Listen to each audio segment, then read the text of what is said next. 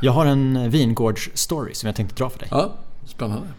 Jag jobbade i många år på en skandinavisk byggare som Ja. hade egen bostadsutveckling. Ja, Och då runt 2016 så Ja. bestämde de sig för att satsa väldigt mycket pengar på ja. Det ska vara lätt för kunden, de ska vilja ha oss för att de kan visualisera sin bostad. Och Mm. Vi har en konfigurator där de får välja tillval. Och Ja, det var mycket pengar, stor satsning.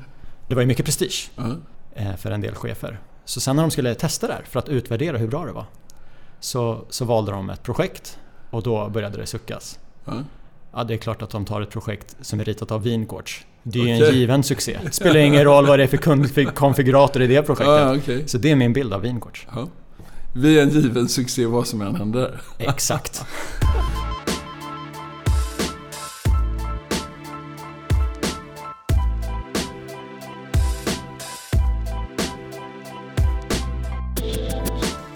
Kontroversiell, våghalsig och originell.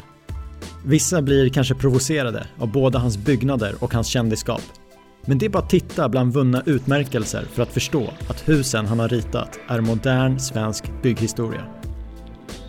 Min nästa gäst är en av Sveriges mest kända och mest prisade arkitekter. Och i dagens avsnitt pratar vi om samspelet mellan att arkitektur ytterst handlar om att hålla vattnet ute och definitionen av god arkitektur. Ja, ni hör ju, ett riktigt kanonavsnitt. Jag ska inte dra ut på det något mer. Låt mig istället presentera Gert Wingård.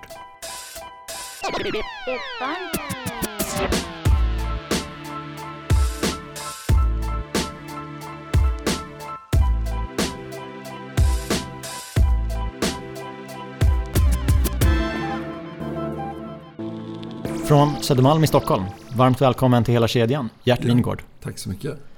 Arkitekt, programledare, femfaldig vinnare av Kasper Salinpriset. Stämmer? Har jag missat något? Nej, det tycker jag inte. Inte? Ja, jag, jag, jag kan ju lägga till något. Jag är ju faktiskt lärare på Chalmers också. Ja, det läste jag. Ja. Hur, hur länge har du varit det? Ja, Jag började egentligen undervisa redan när jag gick där i slutet på 70-talet och har varit där till och från. eh, Så fick jag då en eh, professur 2007 eller 2008. Jag vet inte riktigt faktiskt. Men typ. Ja. Och den eh, har jag väl fortfarande, tänker jag. Mm. Den här beskrivningen av dig, den, Mm. den kom ju fram när jag sökte på ditt namn på Google. Ja, Scrollar man ner lite till okej.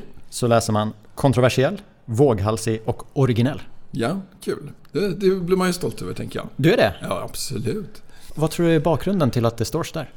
Um, ja, ja, det är väl en beskrivning av hur min verksamhet har varit, så det är väl inte så konstigt. Jag har väl vågat att tänja på gränserna för hur man kan bygga, tänker jag. Och det är väl inte alla som i alla lägen tycker att det är bra, så då blir man väl kontroversiell. Det fanns ett tredje ord nu som jag glömt bort här, men... Kontroversiell, våghalsig och originell. Ja, originell. Ja, det, det får ju stå för andra än för mig då. Men det är ju någonting man eftersträvar som konstnär, att göra någonting unikt. Sen så är ju just det här med byggande, det bygger ju så väldigt mycket på vad som har gjorts tidigare. Va? Så att eh, de originella stegen är, är myrsteg i byggbranschen. Vad, vad menas med tänja på gränserna? Eh, Tänja på gränserna skulle kunna vara att pröva ett nytt material. Att sätta upp en annan målsättning för ett hus. Eh, jag, jag vet, eh, det är ju aktuellt nu med en utställning som heter Bo 01 som gick i Malmö för exakt 20 år sedan. Så jag har ju fått någon intervju om det. Och ambitionen som vi hade med det hus som vi ritade den gången, det var att det skulle kunna stå i tusen år. Eh, och det är ju jättespännande. Och och varför var det den ambitionen? Jo, men det var ju för att Bo 01 var den första mässan där jag upplevde ett fokus på hållbarhet. Och det är klart att ett hus som man inte river på tusen år är ju eh, otroligt hållbart. Det är ju ett väldigt bra utnyttjande av resurser. Och det, det är lite spännande. Jag, jag tittar på ställen. Var, var någonstans i världen har man inte rivit hus? Ja, men det finns ju faktiskt några syriska städer. Aleppo och Damaskus. Där det fortfarande står husgrunder som är 3000 år gamla. Och som kontinuerligt i 3000 år har gjort nytta för mänskligheten. Det är ett rätt fantastiskt perspektiv. Jag hade inte riktigt det perspektivet när jag ritade det här huset. Men, men tanken var att det skulle kunna stå i tusen år. Och vad ska man då göra? Ja, då ska man ta, göra en så beprövad vägg som möjligt. Eh, och vad tänkte jag var en beprövad vägg? Jo, det var att mura upp den i murstenar. Och inte ha något annat skikt än att bara göra den så tjock så att den hade rätt U-värde ändå. Och att det var ett material som då kunde ta upp eh, fukten varhelst den än utlöstes i, i själva tvärsnittet i väggen. Det var en idé som min kollega Bengt Lindros länge hade närt och som jag då fick pröva och genomföra i det här projektet på 01 som ja, kappseglingen 01 som, som vi gjorde där. Och idén var också då att på ett traditionellt sätt kunna putsa väggen på insidan och på utsidan med ett hydrauliskt bruk så att den var fuktgenomsläpplig, beständig. Ja, det är spännande. Nu har jag tappat frågan här, men det, alltså, det, du, du frågade väl egentligen vad som är originellt eller vad som är, är, är kontrovers. Och det, man byggde ju inte väggar på det viset och man bygger inte väggar på det viset idag heller.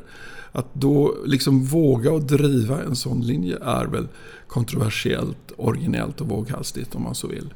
Det är intressant för när, när du pratar nu så du, du, pratar ju om mer än estetik. Du pratar om husets Absolut. funktion. Absolut. Ja, men det, det, är ju, arkitektur är det möjligas konst för att travestera Bismarck egentligen. Va? Som säger att diplomatin är det möjligas konst. Eh, så är det. det, det är ju ett, man måste ta en helhet. Man måste förstå hur det byggs och sammanfogas och hur det ska brukas och användas. Och man må, måste ta med de människor som ska leva och bo i, i byggnaden, ja. Och vi ska komma in på det senare. Ja.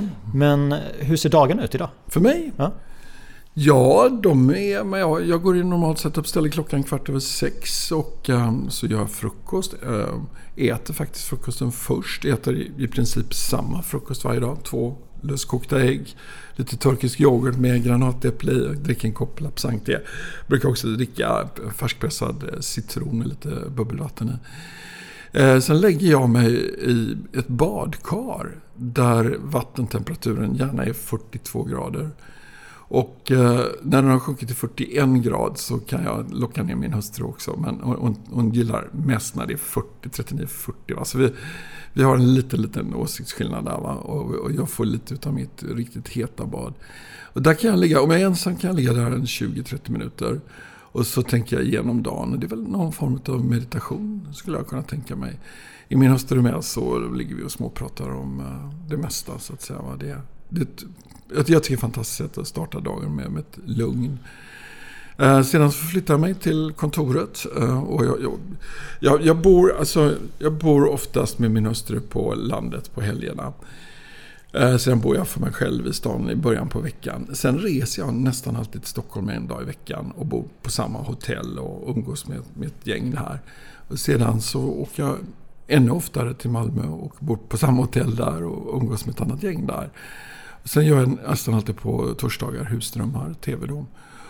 Och sedan så är jag tillbaka i, i Göteborg. Så egentligen bor jag på fyra olika platser. Alltså mitt eh, riktiga hem på landet, min stadslägenhet i Göteborg och på ett hotell i Malmö respektive Stockholm.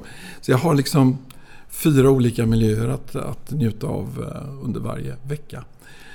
Och ja, nej, men sen kom jag till ett kontor då på ett eller annat ställe de flesta av de här dagarna. Och eh, där går jag runt bland mina medarbetare och eh, har diverse olika möten. Och nu har det ju varit coronatider så det har varit mycket Teamsmöten. Men annars är det mycket möten öga till öga med kunder och medarbetare. Och, ja, det, det, det, jag ska säga det är ett rätt dynamiskt liv alltså. Sen håller jag på till sex på kvällarna. Och numera är det obligatoriskt att gå på någon restaurang vid sex norrut eftersom man ska vara färdig till halv nio. Så att, eh, corona har stulit ett par timmar av min arbetsdag. Eh, annars hade jag kanske gått och ätit vid åtta eh, snarare. Och sen så somnar jag till det vackra blåa skenet från min iPad när jag ligger och surfar mellan olika YouTube-klipp. Jag sitter där och ler bakom mikrofonen för att jag trodde vi skulle prata om mycket men jag hade inte badvatten på listan. 42 grader. Ja, jag tror till och med att Dagens Industri har något foto på mig när jag ligger i badvattnet. Sådär, så att, ja. Men du har programledarjobbet, du ja. har jobbet här på Vingårds och ja. så nämnde du Chalmers. Vad, ja. vad driver dig till att göra det du gör om dagarna? Jag tror att eh, eh 100% mötena med människorna, alltså det, det är... Eh, det är jag, jag har blivit, eller insett att jag är mycket mer en social varelse än vad jag en gång i världen trodde. Det är, alltså på jobbet så är det fantastiskt när vi hittar samstämmighet i idéer och, eller tycker lika eller löser en konflikt eller någonting sånt där. Eh, det är helt underbart. I programledarjobbet så är det ju, handlar det bara om att hitta och möta den människa man står och pratar med. Vad, vad, är det som driver den? Vad är det som lockar? Vad är det, och vad är det i mig själv som lockas att prata om det här? Så, ja, men det, det är bara en social interaktion. Men programledarjobbet, för du ja, nämnde ja, ja, träffa ja. gästen och få en förståelse. Det hade ju gått att göra utan kameror, tänker jag. Absolut. Du menar varför jag står framför en kamera? Ja. Nej, jag, jag brukar ju säga att det är för att jag har ett bekräftelsebehov. Att det, det är underbart att någon ser mig, att någon reagerar på det. Eh, jag hade ju kunnat säga, fast det är ju inte sant, men det är ju eh, att jag gjorde det för pengar. Jag menar, man får ju faktiskt betalt för det och pengar behöver man ju också.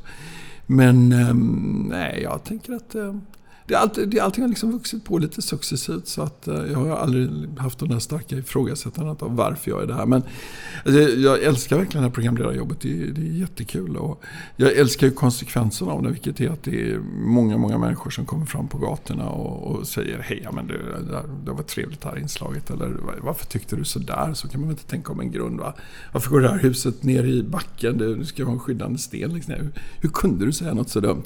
Ja, men, alltså det, men allt det där är ju tycker jag, vänlig interaktion med andra människor. Det är det jag tänker också att SVT kan ju ses av ganska många så det ja. öppnar ju dörren till att prata med folk som inte är i branschen. Absolut, verkligen, verkligen. Ja, men det, vi har ju, hur man nu mäter det, 1,4 miljoner tittare säger man när man skickar ut det där. Om, om det är sant då så är det ju ja, mer än var tionde svensk som uh, har en relation till mig genom att ha sett programmet. Och, och så känns det ju faktiskt. Jag eh, plockade upp ett citat. Arkitektur handlar ytterst om att hålla vattnet ute. Ja, helt rätt. Berätta. Nej, men jag tycker man, man, man, får också ha någon slags eh, bas i, i varför man gör saker och ting. Och, och jag, jag brukade länge hålla en föreläsning för nollorna på Chalmers. Eh, det är alltså precis när man börjar och det kan vara den första föreläsningen de får överhuvudtaget. Och då äh, lät jag alla sätta sig i en studiomiljö, lite regissörsstolar med mer. Det, det råkade vara så att det såg ut så på Chalmers. Så fick de ett litet glas vatten, en liten kopp med typ en deciliter eh, vatten i. Och eh, sen så ställde jag mig på scenen. Och så sa jag bara alla gör precis som jag gör. Och så tog jag den här vattenkoppen och så hällde jag den över huvudet på mig själv. Och då kunde jag beskriva vattnets väg hur eh, det rann i nacken, hur det tog sig innanför T-tröjan, hur det tog sig ner längs ryggen. Och av gravitationen obenhörligt trängde in i, i kallingen, in under den, över stjärten, ner och till sist kunde man eventuellt känna en vattenstril ända ner i fötterna. Och det är ju den största destruktiva kraften som en byggnad eller ett objekt som man ställer ut eh, utsätts för. Och det är ju vad en byggnad ska skydda oss emot. Det är ju hela idén. Det är därför vi eh, liksom bygger hus. Det är för att skydda oss från den kylande och destruktiva effekten av vatten utsatt för gravitation. Sen lät jag dem, alltså under varje stol hade jag lagt en stor papppåse från ett köpcentrum och så lät jag alla elever ta på sig en pappåse. Mm. Och det är rätt härligt att stå på scenen och se 80 elever med pappåsar För då kan man ju ta sig sin egen, för det ser de ju inte. Och sen kunde man då börja förklara vad en byggnad är. Nämligen att den, den skyltar nu mot vatten och så vidare. Men då uppstår vissa andra problem. Det är naturligtvis att eh, luften kommer inte in och det börjar bli svårt att andas. Och det kanske är roligt att titta ut och så kan man då liksom börja göra fönster genom att bryta upp den här pappåsen på olika sätt. Och då börjar man skapa arkitektur. Då kan man börja göra det där mer eller mer medvetet. Men alltså det, det är att hålla klimatet ute. Det är, det är därför man börjar bygga byggnader.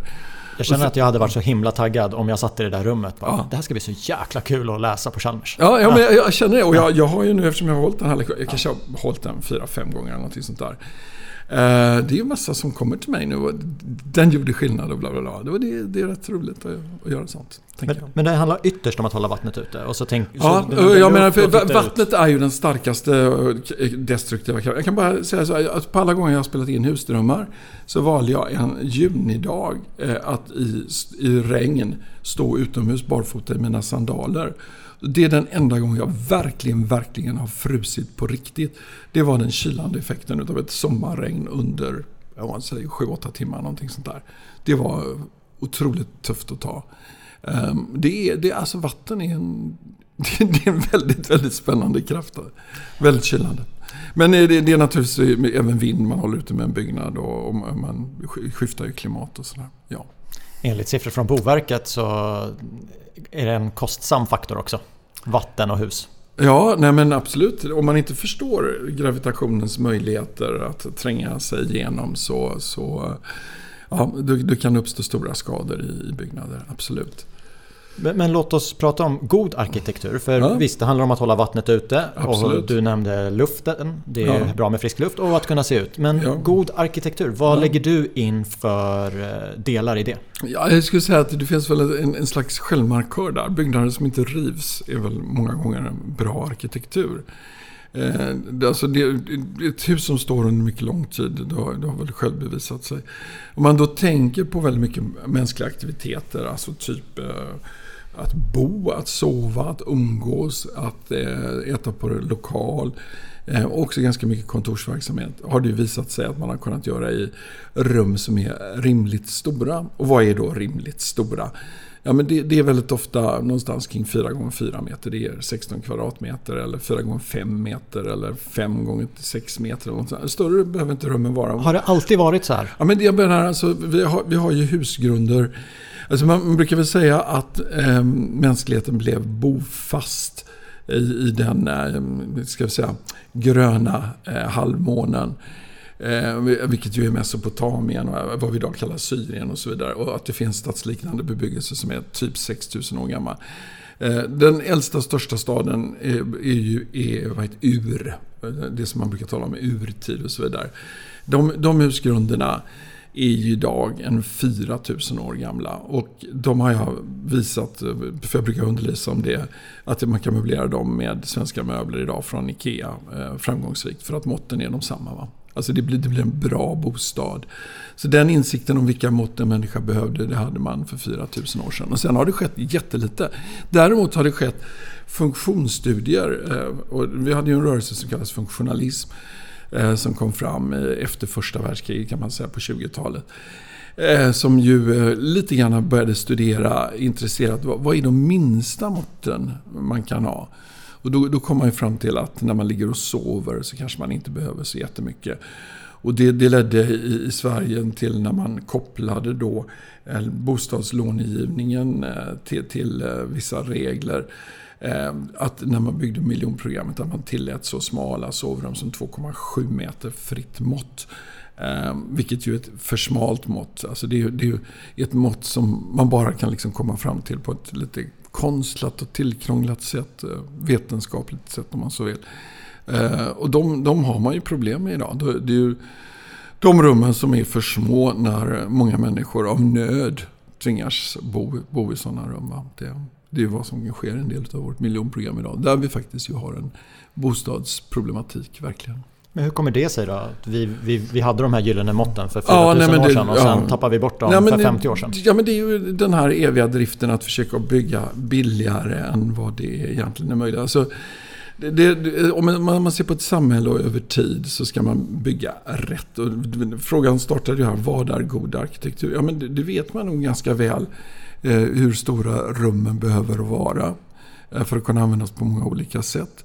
Ehm, men sedan så tycker man att det är lite kostbart och så bör man då fundera på hur kan man nagga på det här. Eh, det, Sveriges arkitekter gav ut en bok nu om ehm, bostadsbyggande på 10-talet, om jag minns rätt att titeln är på den. Där finns det en väldigt slående tabell om utvecklingen av lägenhetsstorlekarna mellan år 2000 och 2010 och mellan 2010 och 2020. Där det för Stockholm är en extrem nedgång i antalet kvadratmeter per lägenhet. Och det är inte bra. Alltså det blir för små lägenheter. Vi bygger jättedåliga lägenheter idag i relation med vad vi gjorde för 15 år sedan bara, 20 år sedan. Ehm, och det är synd, för det, det, det har vi ingen glädje av. Vi, vi, behöver större lägenheter, vi behöver lite mer yta per person. Och det är bara kostnadsdrivet och det är bara för att man ser för kortsiktigt på bostadsförsörjningen, som jag ser det. Jätteintressant, för vissa kanske hävdar att det är nu vi bygger rätt och för 20 år sedan byggde vi för stort. Ja, och jag tillhör inte dem då va? Nej. Du nämnde att god arkitektur, huset som inte rivs. Ja, vad är bra arkitektur mer? Ja, men det är väl naturligtvis en bra fönstersättning. Alltså I relation till vilket klimat man lever i så finns det väl en, en lagom stor del av väggen som bör vara ett fönster eller en öppning om, om man har råd, råd med ett dyrt glasskikt så att säga. Och, och vad det är utav väggen det, det, kan variera men det är säkert inte mindre än 20 procent i en, eh, den typen av klimat vi har här och behöver säkert inte vara mer än 40 procent heller. Men där någonstans. Där tror jag också man hittar något som är viktigt för god arkitektur. Men där kan man ändå se när myndigheter reglerade det här på 80-talet att det är många gånger de byggnader man väljer att riva idag för att det är för små fönster. Om jag får killgissa så skulle jag ju tippa på att de allra flesta kopplar god arkitektur till eh, fasaden. Det är den man ser. Ja, när man är på insidan. Men alltså för mig så är arkitektur lika mycket de rum som man använder på insidan. Alltså arkitektur är både in och utsida. Men jag menar, det är ju som du bedömer en människa så tittar du på utsidan, ja. Eh, men sen så hoppas du att du ser någonting i blicken som gör att du tror att det finns någonting på insidan. Och, och kanske blir du mest intresserad och fångad av insidan sen. Så att det, utan en intressant insida kan man inte ha en bra relation med en människa, tänker jag. Och samma sak är det med en byggnad. Jag har en bakgrund eh, på bostadsbyggarsidan. Ja. Och där var ju god arkitektur. Det var ju en hög BOA BTA-faktor. Ja. Det var, ja men, vi har bara fyra olika badrumstyper i det här projektet på 100 mm. lägenheter. Ja. Tänker du så också? Nej, det gör jag inte. Jag menar, BOA BTA, det är, det är ibland relevant mått, ibland absolut inte. Du vet ju själv också att om man skulle öka ytan på bjälklaget på trapphuset så är det en extremt billig yta. Alltså, vad betyder det egentligen? Nej, men eh, jag, jag, är ju extremt orolig när man eh, vill standardisera och, och bara ha en badrumstyp. Eh. Det, det är ungefär som att säga att vi bara ska ha en klädtyp på oss. Det är, brist på variation är tråkigt. Olika människor har olika behov och prioriterar olika saker. Men det funkar då, ju på mobiltelefoner. Alla har ju iPhone. Eller alla, ja, 70%. Men eh, vad du föreslår det är ju inte att liksom, iPhonen ska vara detsamma. Det säger ju att alla ska ha samma program, alla ska ha samma telefonnummer, alla ska ha allting innehållslikt lika. Jag menar alltså när man ritar för allmännyttan idag så ritar man ju till exempel ett badrumsskåp som inte är över porslinet. Därför att om om det trillar ut någonting i badrumsskåpet så är det bättre att det krossas på golvet vilket kommer att hålla för det än att det krossas i porslinet. Som är dyrt att byta eftersom hyresvärden ska byta det där.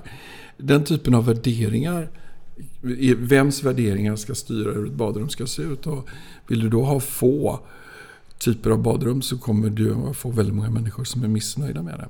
Men har stoltheten försvunnit från byggaktörerna? Alltså vill man inte vara stolt över sitt hus? Jag tänker om, om badrumsskåpet inte är över porslinet.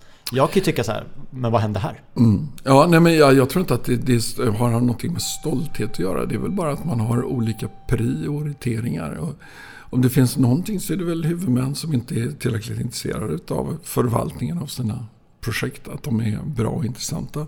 Och det kan jag tänka mig ibland har att göra med skalor. Att, att stora aktörer har en större distans mellan eh, sina eh, ägare och eh, de som Förlåt, nu börjar jag distrahera. Jag tittar ja. mot en dörr. Va? Men alltså, man, man, man, tänker inte på sina hyresgästers intresse i första hand. Utan det finns en distans däremellan. Vi har varit inne på det, men om man ska försöka generalisera. Ja. Hur bra tycker du att vi är på god arkitektur i samhällsbyggandet idag? Jag tycker att vi är på väg eh, lite grann åt fel håll. Men eh, rent generellt så bygger vi jättebra bostäder i Sverige. Jag menar, de är varma, hälsosamma, eh, rymmer få risker. Utgör sällan något problem om de inte blir överbefolkade. Så det, jag menar, det är en hög standard. Vi pratar utifrån en väldigt god nivå men du sa fel håll. När tippade det? Nej, jag, jag, jag, tycker att vi idag eh, börjar att exploatera för hårt eh, visavi eh, de, de kvarter. Jag, ty, jag tycker till exempel att de här normerna för dagsljus som finns idag kan driva upp kvarteren och göra dem oproportionerliga och visuellt konstiga. Jag tycker att vi belastar den infrastruktur som vi har för hårt. Eh, som gör att eh, den inte längre fungerar. Så det, det, är lite av ett parasiterande på tidigare generationers investeringar som vi ägnar oss åt när vi håller på med förtätning just nu. Förutom förtätningen, vad, vad är det för mer uh, Som vi, ja, det, det, är ju den här att vi... Jag tror att en, man kom fram till att en, en till exempel en trea Eh, på det tidiga 2000-talet så var den gärna 75 kvadratmeter. Eh, och sen så har man drivit ner den 10 kvadratmeter. Då tror jag att vi tappar flexibilitet och rymlighet i en serie lägen. Eh, på ett sätt som gör att vi bygger en sämre bostad. Och jag menar att vi har definitivt ett samhälle som har råd att bygga 75 kvadratmeter. Det är inte detsamma som att vi ska bygga 100 kvadratmeter. Men när vi driver ner en trea från 75 till 65. Och, och jag menar, jag får ju frågan kan du rita den på 60? Eh, så, så är det fel samhällsutveckling. Gert, jag promenerade hit i morse från Rosenlundsgatan. Det är en promenad på ungefär 20 minuter okay. genom Södermalm. Mm. Och då, man går ju förbi lite årsringar. Ja. Har du någon favorit? Här på Södermalm? Ja. Ja, jag tycker ganska mycket om eh, Bofields båge. Det, jag tycker den har hållit sig över tiden därför att den, den skapar någon slags stor parkrum där som är... Jag tycker det är fint helt enkelt. Och jag tycker att... Det är inte världens vackraste fönster, de här vita aluminiumspröjsade fönstren där. Men själva betongelementen är tycker jag fortfarande är väl artikulerad. Och jag, jag gillar liksom det här försöket till storskala och, och, att vara någonting mer än bara en bostad som det representerar. Så jag gillar det huset. Men jag kan ju gilla många lite trängre gator också. Jag kom ju Sankt Paulsgatan i min promenad från Mariatorget hit. Det är ju alltid sympatiskt och det är liksom ingen enskild bostad som står ut där. Va? Jag vet ju genom kunskap att det finns ett och annat palats där. Va? Men palatsen står ju inte ut utan de är ju samma släta puts som de lite enklare bostäderna vid sidan av. Och det finns ju också jag tror inte det finns kanske, jag tror den sista är väl en 80-talsbyggnad på, på Sankt Paulsgatan på den sträckan jag gick. Jag tycker det är fint på många ställen i Södermalm, ja. Men, men, eh, när jag började på KTH och fick den här boken Så byggde staden så var det ja, men på 10-talet byggde man husen så här, 20-talet så här. Ja, Har du någon favorit? Eh, ja, ja no, jag, jag, jag borde ha inte för... Men alltså, det, det, är ju någonstans så att en framväxande bourgeoisie på eh, det sena 1800-talet byggde väldigt eh, fint i handslaget tegel och med beständiga granitmurar. Och det är ju kanske det mest prisvärda vi har byggt för det är i princip underhållsfria byggnader över sekler. Eh, och det, jag skulle väldigt gärna vilja rita sådana byggnader för jag tror att det är en väldig långsiktighet i det. Eh, så, så jag, jag, har favoriter i sekelskiftet 1800-1900-tal. Absolut, och man bygger också tillräckligt stora eh, lägenheter då för en bourgeoisie. Sedan så sker ju samma sak egentligen i sekelskiftet, sent 1900-tal, 2000-tal, Hammarby sjöstad. Där man också bygger ganska stora lägenheter och åter börjar återvinna lite takhöjd. Och där man kanske lite, lite grann överdriver uppglasningen av det hela. Men det, det, det kan vara bättre än för lite fönster kan jag tycka. Eh, och om jag förstår Hemnet och andra rätt så är det de här två typerna av lägenheter som är de som är högst prisade. Alltså de bägge sekelskiften, både 1800 och 1900-tal. Och det, där är det säkert de högsta priserna. Men det är obetydligt lägre i de som är byggda mellan 19 och 2000-tal. Och sen har vi perioder där man har gått för långt i till exempel funktionsstudier och sådär däremellan. Eller för långt i vad man som liksom råkapitalism vill få ut. Eh, som gör att eh, det inte blir riktigt lika bra. Men det är intressant för det där om Hammarby sjöstad har, ja. jag, har jag inte hört så ofta. Men Nej. sekelskiftet 1800-1900, ja. det får jag höra ganska ofta. Åh vad fint! Och då tänker jag så här. Varför tror du att så många gillar det gamla? E- eller är det ja, bara att det, det är ju, riktigt bra då? Nej men alla älskar ju på något sätt när det är riktigt rymligt. Va? Det, det, det är ju viktigt att påpeka att det är bourgeoisiens byggnader från 1800 och 1900-talet. För arbetarklassens byggnader är ju allmänt rivna. För de var det ju inte så många som älskade. Eh, det var ju enklare bostäder på alla sätt och vis. En liten struktur tätt mellan trapporna. Inte lika mycket uppglasat, inte samma takhöjder. Det finns ju exempel från sekelskiftsarkitektur Eh, där, eller åtminstone från sent 1800-tal, där takhöjderna kan ligga på 2,2 meter och sånt där, va, som är lite bökigt. Det är också så att om man tittar på Strandvägen, det är ju byggnader som även då var fruktansvärt kostbara att bygga. Den initiala investeringen var ju jättehög. Och jag menar, jag skulle ju jättegärna rita ett sånt hus om det fanns någon som vill investera i det. Det är väl som du var inne på, om, om den står ett tag till så, så blir det ju inte så många kronor per år. Nej, Nej, Nej ja, och, det är ju, och det är ju en finansieringsfråga som avgör vad det är för kvalitet vi kan bygga i våra hus. Det, det, det finns ju avskrivningstider som är väsentligt längre söderut i Europa. Va? Tyskland, Schweiz och så vidare. Men om vi kommer tillbaka till det jag får höra. Åh, sekelskifte. Ja, Åh, vad fint. Ja. Kan vi bygga nytt som väcker samma känslor? Eller måste byggnader åldras? Nej, jag, jag, tror att man kan bygga nytt som väcker samma känslor. Sen så tror jag aldrig på att man ska kopiera tidigare tiders eh, exakt så att säga. Va? Men vi, vi, skulle kunna göra en ny ornamentik. Och det som jag tycker är så spännande det är ju därför att teknologiskt så ligger ju den möjligheten precis runt hörnet. Precis runt hörnet. Och det är ju helt enkelt att man ju på plats kan börja skriva ut riktigt komplicerade fasader igen. Alltså vi, vi kan börja hitta en ornamentik som är möjlig. Jag har läst om nu, Guardian hade en artikel för några veckor sedan om den första stadsdelen i Arizona som var planerad för att skrivas ut helt och hållet på plats. Och jag läste en, glämtar om ett, ett enstaka hus i Mexiko som var utskrivet på plats. Och bägge de här två exemplen var relativt minimalistisk modern arkitektur. Men poängen med en, en 3D-skrivare är ju att man i princip kan skriva in hur komplicerat som helst utan att det egentligen kostar mer att göra. Då är ju liksom allting möjligt. Och då kan vi ju naturligtvis skriva ut en historiserande barock om vi skulle vilja det. En överdådig barock om vi skulle vilja det. Men vi kan ju också kanske skriva ut eh, en naturimitation. Eller vi kan skriva ut en eh, bild utav cellnivån. Eller vi kan skriva ut någonting som jag har fantiserat fram och som eh, jag eventuellt kan övertyga andra människor om är vackert. Så bakgrunden till att det ser ut som det gör idag, det är en kostnadsfråga? Ja, det tror jag att i, i hög grad att det är, ja faktiskt. Och det, det är där någonstans också, det, alltså man, ska aldrig underskatta människors förmåga att läsa av saker och ting. Det, det man ser i format av en hand eh, är oftast väldigt attraktivt. Alltså hantverkskunnandet och idag så är ju hantverk väldigt, väldigt dyrt och få som kan och utöva det och så vidare. För, för ibland tänker jag att man bygger på nytt sätt för att det, det är en ny tid. Det är nya influenser. Vi klär ju oss lite annorlunda idag absolut, jämfört med absolut. för 70 år sedan. Ja, absolut. Men det, det, jag menar att det, man söker en detaljrikedom. Jag menar, allting är, jag, jag är ju lite konstvetenskapligt skolad och där, där, finns det ju, där man talar hela tiden om olika stilvågor. Där man, man, man eftersträvar det symmetriska, det rena och det enkla. Och, Sen så ja, tröttnar man på det lite grann så börjar man införa lite asymmetrier i det hela. Så plötsligt är det väldigt asymmetriskt och svulstigt och det, det, det liksom pekar in och ut. Och det, det går från gotik till klassicism.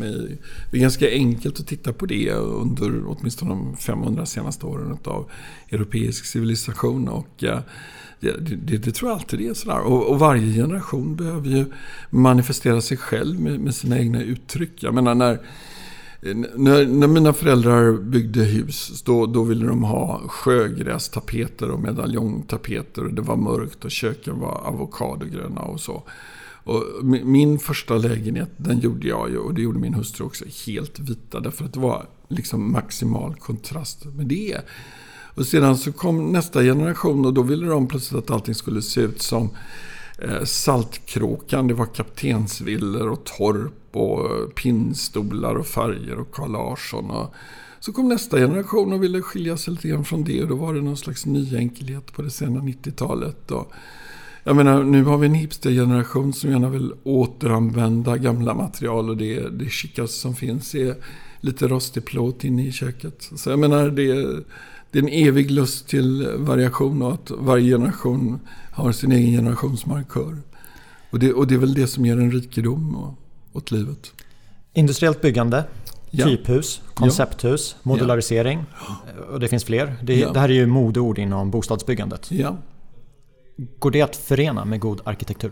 Ja, det tror jag det gör. Men om det går finns administrativa regler som gör det möjligt, eh, det är en annan sak. Men eh, jag, jag ser inget själv varför inte det skulle kunna förenas. Och jag tänker ju väldigt mycket i termer av hur jag tycker en del 1800-talsstäder byggdes upp. Man, alltså till exempel landshövdinghusen i Göteborg, i Haga, de, de, är ganska hårt modulariserade under sträckan längs en gata. Men när man kommer till hörnen så gör man något udda om man bygger något torn eller någonting annat. Så uppfattar man att eh, de hus man ser över hörn är rikare artikulerade och mer intressanta medan de som är lite mer transportsträcka längs en gata är hårt modulariserade.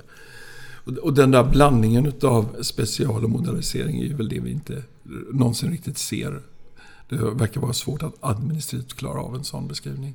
Men jag tänker modularisering och koncepthus. Om koncepthuset ja. består av byggdelar, att det alltid är de här. Ja men det, det fattar jag. Det kan man ju bygga på lite olika sätt. Men, men typhus? Vad, ja. Vad... ja men det jag menar med typhus också. Det, vad är problemet med det?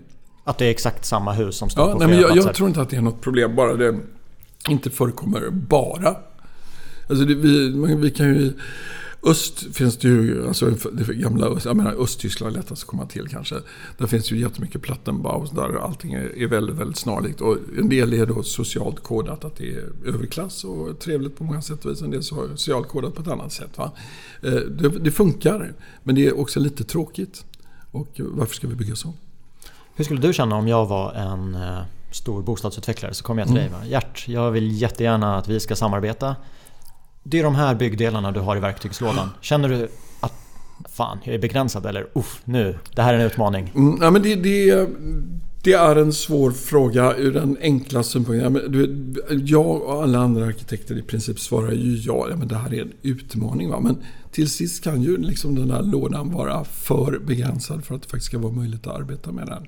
Så jag vill ge ett nyanserat ja, ja på det där. Liksom? Men du är intresserad av att se byggdelarna?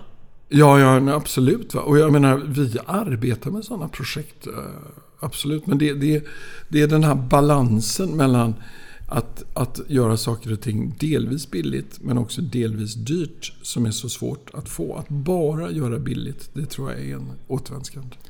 Någonting du har kunnat följa på nära håll det är ju BIM-modellens intåg Absolut. i branschen. Mm. Vad känner du om det?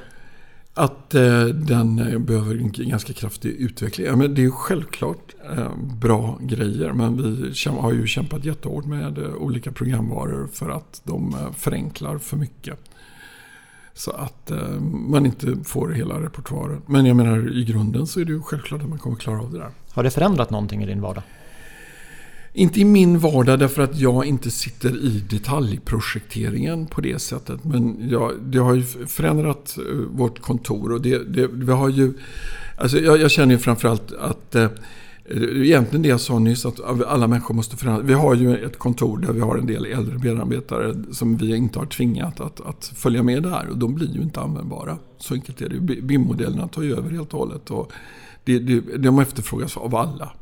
Eh, så det, ja, alla måste kunna det. Men om jag förstår dig rätt så är det detaljeringsgraden i modellerna som behöver bli bättre? Eh, ja, detaljeringsgraden och förmågan att hantera olika pusselbitar i det hela. Ja, jag menar, låt mig ta ett enkelt exempel. Så Kör. kan det vara att man eh, får en trappa som eh, man då vet att man vill göra med en lite annan geometri. Och så säger den att det finns inte möjlighet att göra det. Utan då, då får man liksom rita om allt sammans i den.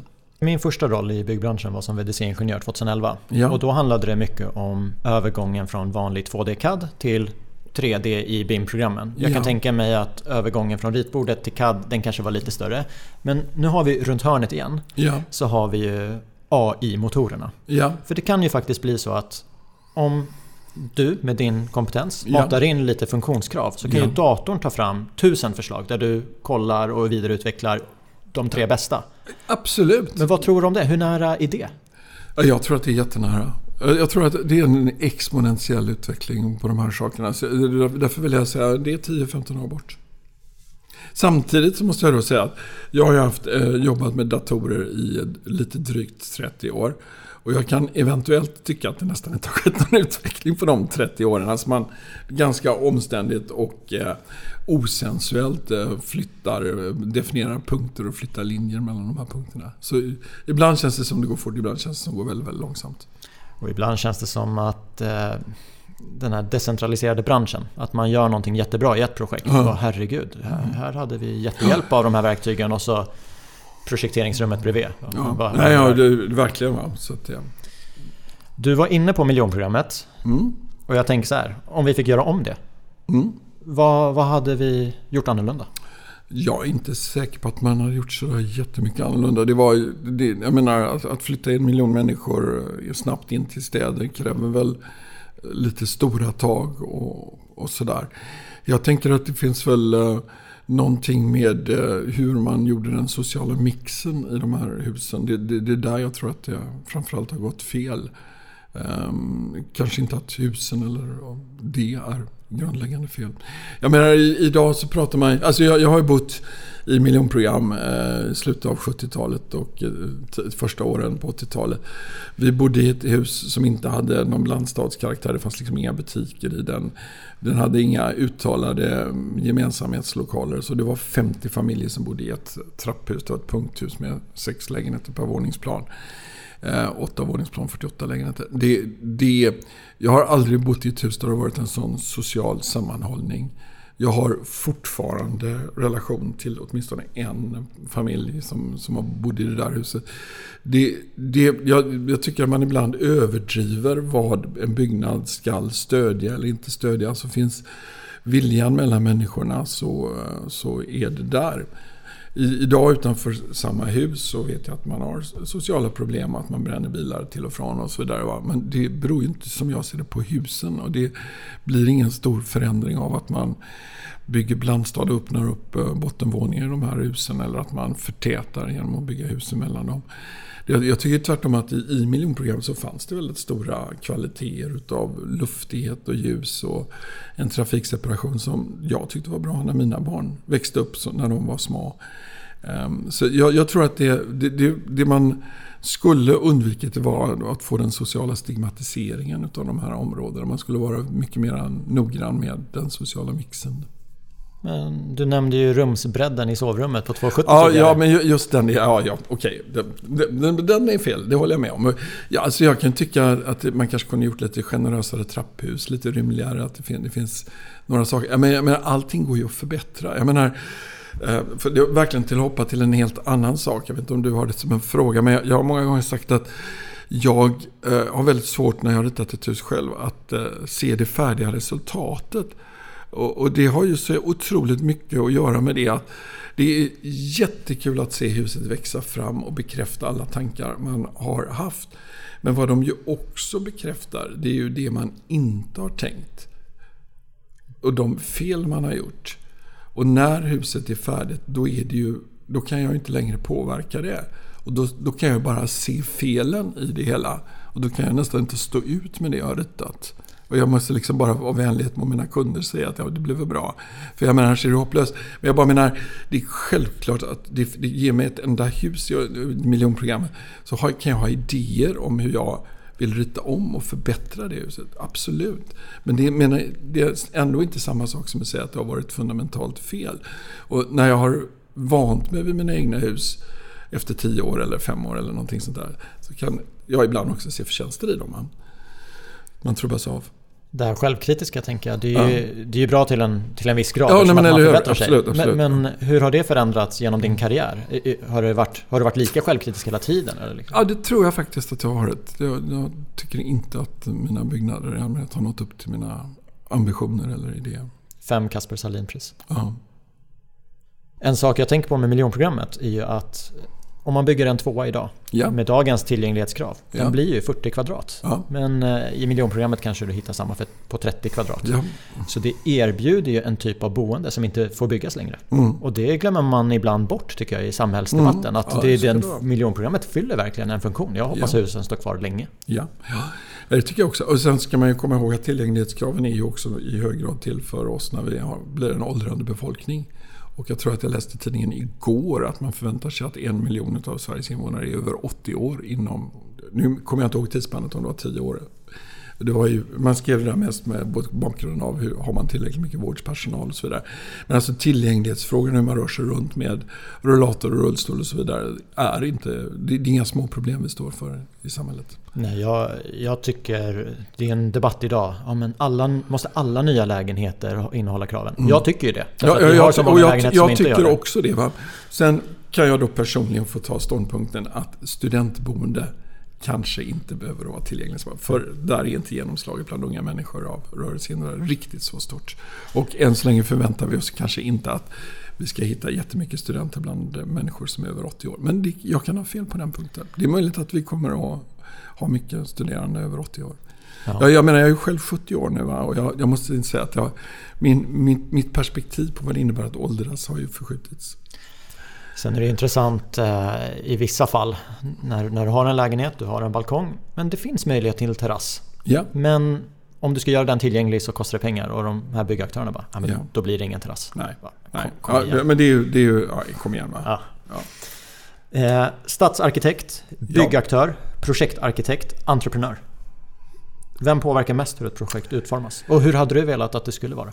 Jag, jag, jag, tror att det är jättebra att det är många parter som påverkar och tar tillvara olika intressen. Så jag, jag tycker i grunden att alla de här aktörerna behövs och att de spelar alla sina roller bra.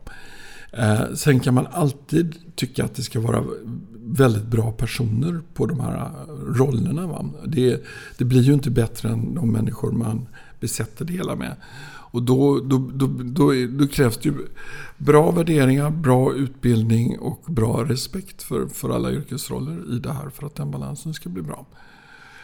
Där, där ser jag, det är det enda problem jag ser. Hur får man tillräckligt många människor att agera på ett klokt sätt? Ett riktigt diplomatsvar. Nej, det tycker jag inte att det var. Jag, tycker det, jag, jag vågar utmana att säga att det, det, är svårt att hitta bra personer i alla de här rollerna. Och någon enstaka person som inte förstår rollen rätt kan ju också förstöra ganska mycket. Och det spelar egentligen ingen roll vem av de här aktörerna det är. Du var inne på att förståelse för varandra i ett ja. projekt och rätt ja. personer. Och ett svar man jag ofta möts av är samverkan. Mm. Ja. Har du några mer konkreta tips på hur man kan få till den här förståelsen i projekt? Nej, men jag, jag, alla projekt som jag har varit med om har egentligen varit en förhandling. Man, man, man, bygger upp en relation med människor och man får förståelse för varandras. Och då måste man ju, precis som i ett äktenskap eller vad som helst, bjuda till på vissa punkter och sedan tala om tydligt vad det är som man vill uppnå med, på andra punkter. Man ska inte tro att man ska få igenom precis allting. Eh, och man bygger inte en relation genom att alltid hävda att man har rätt, utan det är ett givande och tagande. Det handlar jättemycket om ömsesidig respekt, tänker jag. Människorna? Människorna åt, va? Och det är det som gör det så kul att jobba i den här branschen. Ja, det, det håller jag med om. Vart hämtar du din inspiration? Eh, från livet? Ja, men alltså jag, på ett konkret plan, jag, jag plöjer massa tidningar och, och dataflöden kring, kring byggnader. Det gör jag absolut. Det, det, det är mest där jag får inspiration. Då och då gör jag resor och av slump eller genom att jag sökt mig till det upplever byggnader som jag får inspiration från. Sen är det ju på något sätt så att, att nu har jag 40 års erfarenhet och då har man ju prövat väldigt många byggnadstyper och sånt där och, och blir väldigt ofta liksom sugen på att men det jag ritade för 20 år sedan där på en smal tomt, det här är ju en smal tomt, ska jag inte, hur, kan jag inte börja bygga på de tankarna jag hade där? Och vad, vad händer om jag parar dem med andra tankar jag hade i något annat projekt? Så det, det, är lite svåranalyserat vad det är man, man får sin inspiration ifrån. Va? Men det, jag, jag, känner mig som en del av ett kulturflöde och varje byggnad är liksom ett nytt tvärsnitt i ett träd som ständigt växer. Men har du någon arkitekt som du känner att här har jag inspirerats lite? Ja, men jag, jag, jag, jag tillhör ju... Alltså om, om, du läser om mig så, så är jag en enda stor namedropper av arkitekter som jag har inspirerats av och inspirerats av så att säga. Det, det, har ibland förväxlats med att jag skulle kopiera dem. därför att många arkitekter säger att de inte inspireras av. Bla, bla, bla. Men jag menar, jag har några gamla arkitekter som heter Herzog de Meuron, i, verkar i Basel och över hela världen. De, de tycker jag verkligen gör intressanta byggnader. De kom fram med Tate Modern som ju var de, de valde att inte riva det där stora kraftverket centralt i London utan utveckla den istället till vad som är en väldigt framgångsrik konstinstitution. Och de gjorde den här Fågelbo-arenan i Beijing när OS var i Beijing. De, de, de tycker jag hela tiden har en förmåga att nytolka lösningar på uppgifter, bygguppgifter på ett sätt som är unikt, tycker jag. Jag gillar ju vår bransch för vi, vi påverkar ju arbetsplatsen där man hänger större delen av dagen när det inte är en pandemi. Och ja. Hemmet som man kommer hem ja, till ja. för att slappna av. Om vi tar Stockholm. Ja. Hur tror du att staden ser ut om 100 år? Hur staden ser ut om 100 år? Eh, jag tror faktiskt eh, att den är sig väldigt, väldigt lik. Eh, och det finns många skäl till det. Jag tror, alltså Stockholm är, tycker jag, en av världens vackraste städer. Och jag har sett ganska många städer och, och hävdar det med kraft. Och jag tror att vi har hamnat i en tidpunkt när vi faktiskt inte vill förändra den här siluetten jättemycket. Eh, jag tillhör de som har, har tyckt att man ska bygga höghus och så vidare. Och det, det kanske man kommer att göra. Men jag, jag har ju också mycket motstånd mot dem. Och det, jag är någonstans lite tacksam för det motståndet. Därför jag tror nog att, att vi ska försöka bevara Stockholms silhuett så mycket som möjligt. Att man med förtätningar och sånt där ska göra det kanske lite längre ut. Jag är inte ens säker på att man behöver bygga högt eh, för att uppnå en bra stad. Ehm, jag, jag tror att, jag tror och hoppas att man kommer att göra Eh, instick där man ersätter byggnader från olika tidsepoker eh, som inte är jättebra. Men hela tiden med nya väldigt fina hus. Så att det blir en slags årsringar på nästan varje gata. Jag, jag vill absolut inte att vi skulle fastna i den här staden som med bara liksom byggnader av, av, av, karaktärer som finns redan. Jag vill se nya karaktärer. Men jag tror att liksom helhetsverkan, färgverkan, skalverkan, höjdverkan i, i Stockholm är densamma om hundra år. Intressant med hundra år är att teoretiskt, vi kanske lever i en tv-spelsvärld då. Vi mm. kanske kopplar upp våra skallar till datorer. Absolut. De här parkytorna, ja, ja, de behöver ja, inte finnas. Ja, det är så mycket. Ja, ja, så är det. Vi har närmat oss slutet på den här intervjun. Ja. Men då vill jag gå tillbaka till någonting du sa i början. Ja. Jag vet ingenting som är roligare. Nej, men så är det ja. Men det är för att man träffar människor hela tiden och att det är en ständig debatt. Och det, är, men det är också jättekul om man jobbar i ett projekt. Va? Det, det har en början, det har en mitt, och, men det har också ett slut. Va? Det, är, det, det är inte flyktigt men det är ändå inte för evigt. Utan det är ständigt nya människor, ständigt nya utmaningar att möta. Och när det är slut, då ska vi inte kolla på huset något mer. Men vi ska återvända till huset och finna att det var gott. Tack för att du gästade hela kedjan. Tack så hemskt mycket. Kul. Thank you.